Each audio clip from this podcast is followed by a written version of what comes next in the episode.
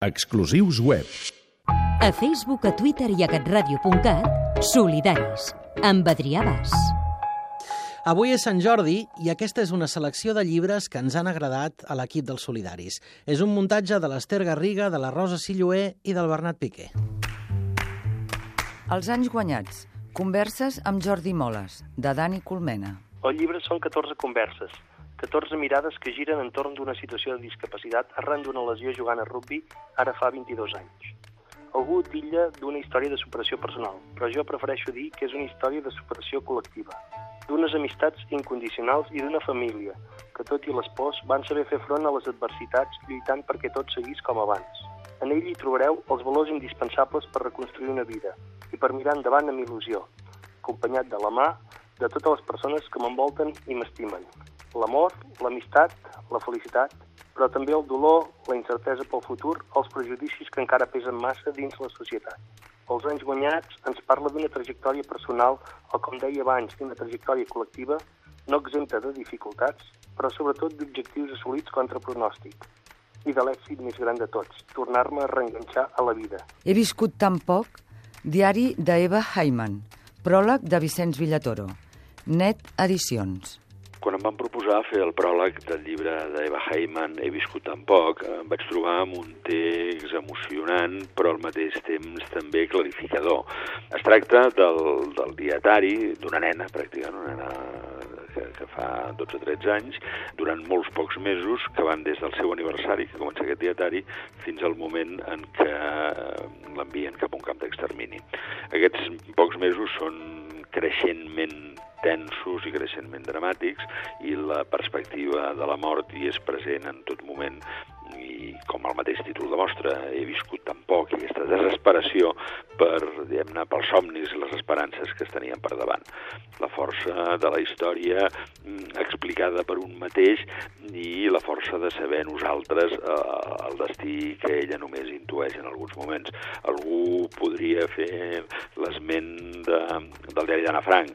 Eh, òbviament són, són obres emparentades, però no redundants. Cadascun explica una història diferent, amb una mirada diferent, en unes circumstàncies diferents, i totes serveixen per explicar l'Holocaust, però també serveixen per explicar la condició humana.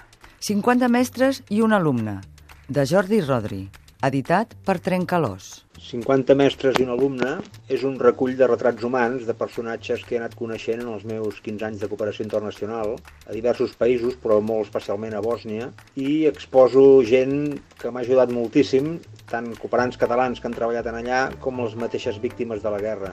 Per mi és un llibre de text, perquè tota aquesta gent són veritables mestres i pensava que totes aquestes lliçons que m'han anat impartint durant els anys fora bo fer-les públiques, que no caiguessin en l'oblit i que tothom qui vulgui les pugui utilitzar i aprendre tal com hi he après jo en tots aquests anys.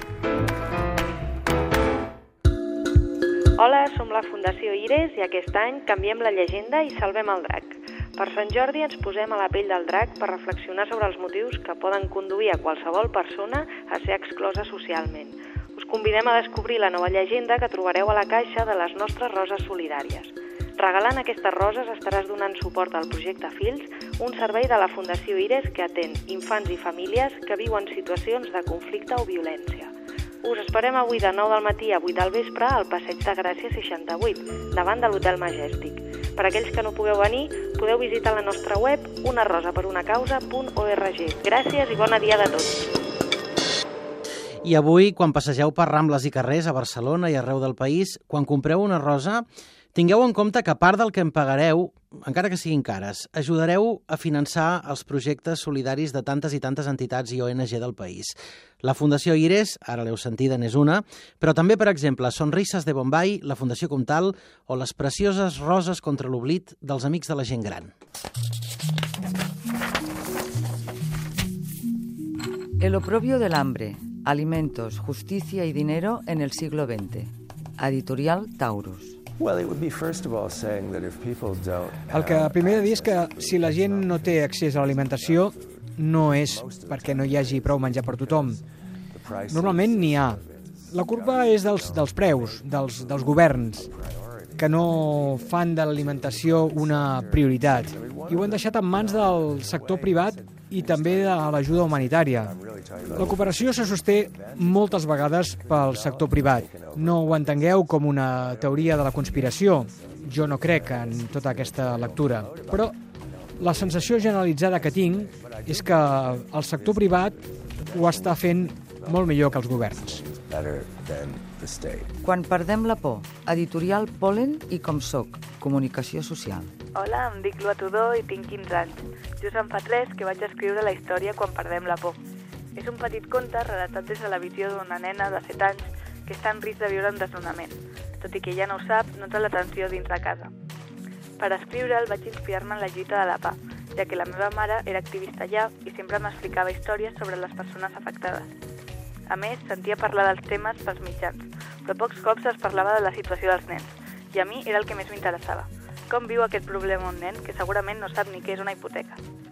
Per acabar, espero que aquest conte serveixi com a eina perquè se sàpiga més dels desnonaments, perquè es comenci a perdre la por per explicar els problemes, que se sàpiga que tothom pot passar per aquestes situacions, que no és una cosa estranya, i el més important és explicar-ho, perquè quan perdem la por, tot és possible.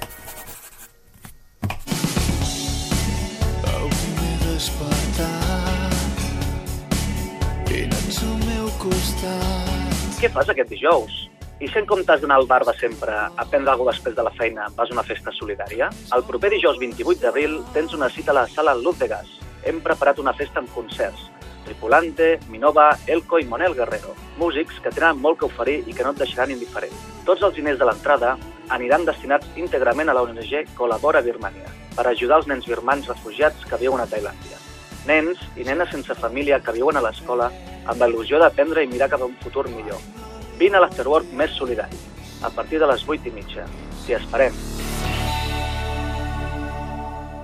Cada dissabte, de 3 a 4 de la tarda, Solidaris a Catalunya Ràdio. Para-t'hi a pensar.